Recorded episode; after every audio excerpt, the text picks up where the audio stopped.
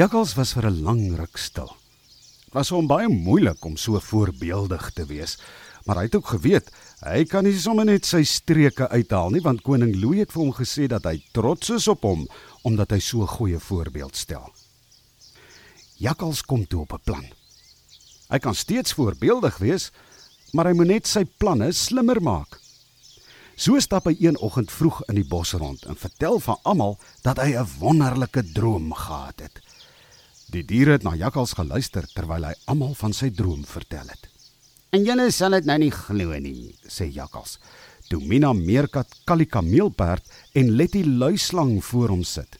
En ek het gisterand gedroom. Hier kom 'n groot droogte in die bos. Dit is nogal logies, sê Mina Meerkat. Dis winter en hier is nie baie water nie. En toe kom al die diere na my toe en vra my raad, vertel Jakkals voort. Ek sê toe vir hulle, ek weet van 'n groot grot in die berge waar elkeen sy eie kos kan bære sodat hulle genoeg kos het wanneer die groot droogte kom en daar nie genoeg kos is nie.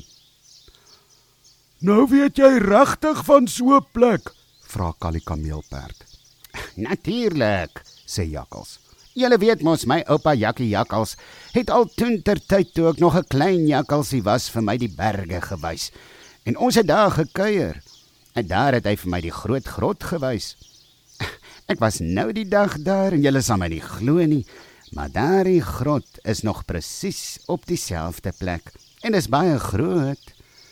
Jakkals kan sien dat die diere nou baie mooi na hom luister. Maar jakkals, dan is dit mos 'n bestuuring. Dan het jy nie hierdie droom om dowe neete gekry nie, sê Mina Meerkat en gaan sit kiers regop op haar lang stert. Ja, wel, sê jakkals en maak asof hy skaam is. Maar jakkals het 'n plan gehad. Dan moet ons dadelik hierdie wonderlike droom vir koning Louis gaan vertel, sê Lina luislang. En daar is net een probleem, sê Jakkals vinnig. En wat is dit? vra Mina Meerkat. As al die diere in die bos hulle kos daar gaan stoor, gaan daar te veel diere wees wat daar kan in en uit gaan. Die kos sal deurmekaar raak. En dan begin hulle mekaar se kos opeet. Kan jy jou die chaos voorstel? sê Jakkals. Ja, nee, dit sal nie deug nie, sê Kali Kameelperd. Ons sal jou moet aanstel as bestuurder jakkals. Net jy mag daar in en uit gaan want jy sal presies weet waar elkeen se kos gebeere is. Dit is heeltemal reg, sê Mina Meerkat. Maar kom ons bly dan nou eers doodstil oor die grot. Kom ons begin maar eers ons eie kossies daar bære, dan kyk ons eers hoe werk dit, sê jakkals. Ek stem saam, sê Lina luislang. Dis 'n baie goeie idee. Jakkals het lekker gelag toe hy daar wegstap. Want dit was nie lank nie. Toe is Mina Meerkat, Kali Kameelperd en Lina Luislang kliphard aan die kos bymekaar maak. Hulle het al hulle kos na Jakkals toe gebring. En dan het Jakkals die kos opgeskryf op 'n lysie en dan het hy dit na die groot grot toe geneem. Die enigste ding is Jakkals het dit nie na die grot toe geneem nie. Hy het op pad na sy huis toe lekker gesmil aan die kos. En as hy by die huis aankom, kan vrou Jakkals nie glo wat sy sien nie. Ai my ou man, maar jy's darm so 'n voorbeeld vir jou kinders. Baie dankie dat jy so mooi vir ons sorg. Ja, dit is waarom ek die hoof van die huis is, sê Jakkals. Die volgende dag het nog van die diere by Jakkals aangekom en vir hom gevra om ook hulle kos te gaan bære. Die kos het al hoe meer en meer geword. Maar vir elkeen wat hom kom vra, het Jakkals gesê dat hulle doodstil moet bly en dit vir niemand vertel nie. Toe die groot droogte kom, was die kos in die bos ook op. Jakkals en sy gesin was lekker vet, maar die ander diere het begin maar word. Op 'n dag kom die diere by Jakkals aan en vra vir hom om vir hulle van die kos wat hy vir hulle gebeere het te gaan haal. O, maar al te seker, sê Jakkals. Wat kan ek vir julle saambring? Jakkals het 'n potlood en papier geneem en 'n lysie gemaak. En toe is hy daar weg. Die diere het tot son onder gewag vir Jakkals om terug te kom met hulle kos. Maar Jakkals het weer 'n plan gehad.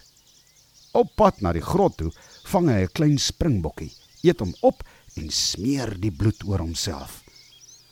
Toe hy laat die nag by die diere in die bos aankom, loop hy sommer so mank. "Waar was jy al die tyd, Jakkals?" vra Mina Meerkat. "Ons is al dood van die honger." "O, oh, julle sal my nie glo nie," sê Jakkals en val sommer op die grond neer. Die diere sien Jakkals is vol bloed. "Of wat het gebeur? Kyk hoe lyk jy, Jakkals," sê Kali Kameelperd. "O, oh, dit was verskriklik." Net toe ek by die grot aankom, is daar 'n vreemde tier. Ek het hom nie gesien nie. Toe ek al julle kos op die lysie bymekaar gemaak het, net toe ek reg is om terug te kom, het die tier my van agteraf bekruip en op my gespring. Hy was reg om my dood te byt. Ek smeek hom toe om dit nie aan my te doen nie want ek het klein kindertjies by die huis. Toe sê hy sy my lewe spaar, maar dan wil hy al die kos hê. Wat kon ek doen? Ek moes vir hom die kos gee. Jakkals huil en huil en skielik kry die bosdiere hom baie jammer. "Toe maar ou jakkals, jy darm jou bes probeer," sê Lina luislang. "Ons is net bly jy lewe nog," sê Mina meerkat. "So 'n fabond," sê Kali Kameelperd. Daardie tier sal nog sy dag kry. Die volgende dag het die klomp diere maar weer van voor af probeer kos soek. En Jakkals, wanneer sy kos by die huis klaar is, het hy so eentjie gaan stap en genoeg kos van die grot af saamgebring vir hom en sy gesin. Jy sê my nou nie glo nie, dink Jakkals by homself. Maar so 'n opgemaakte droom kan vir jou baie voordele inhou. Ha, ek moet meermale sulke drome droom.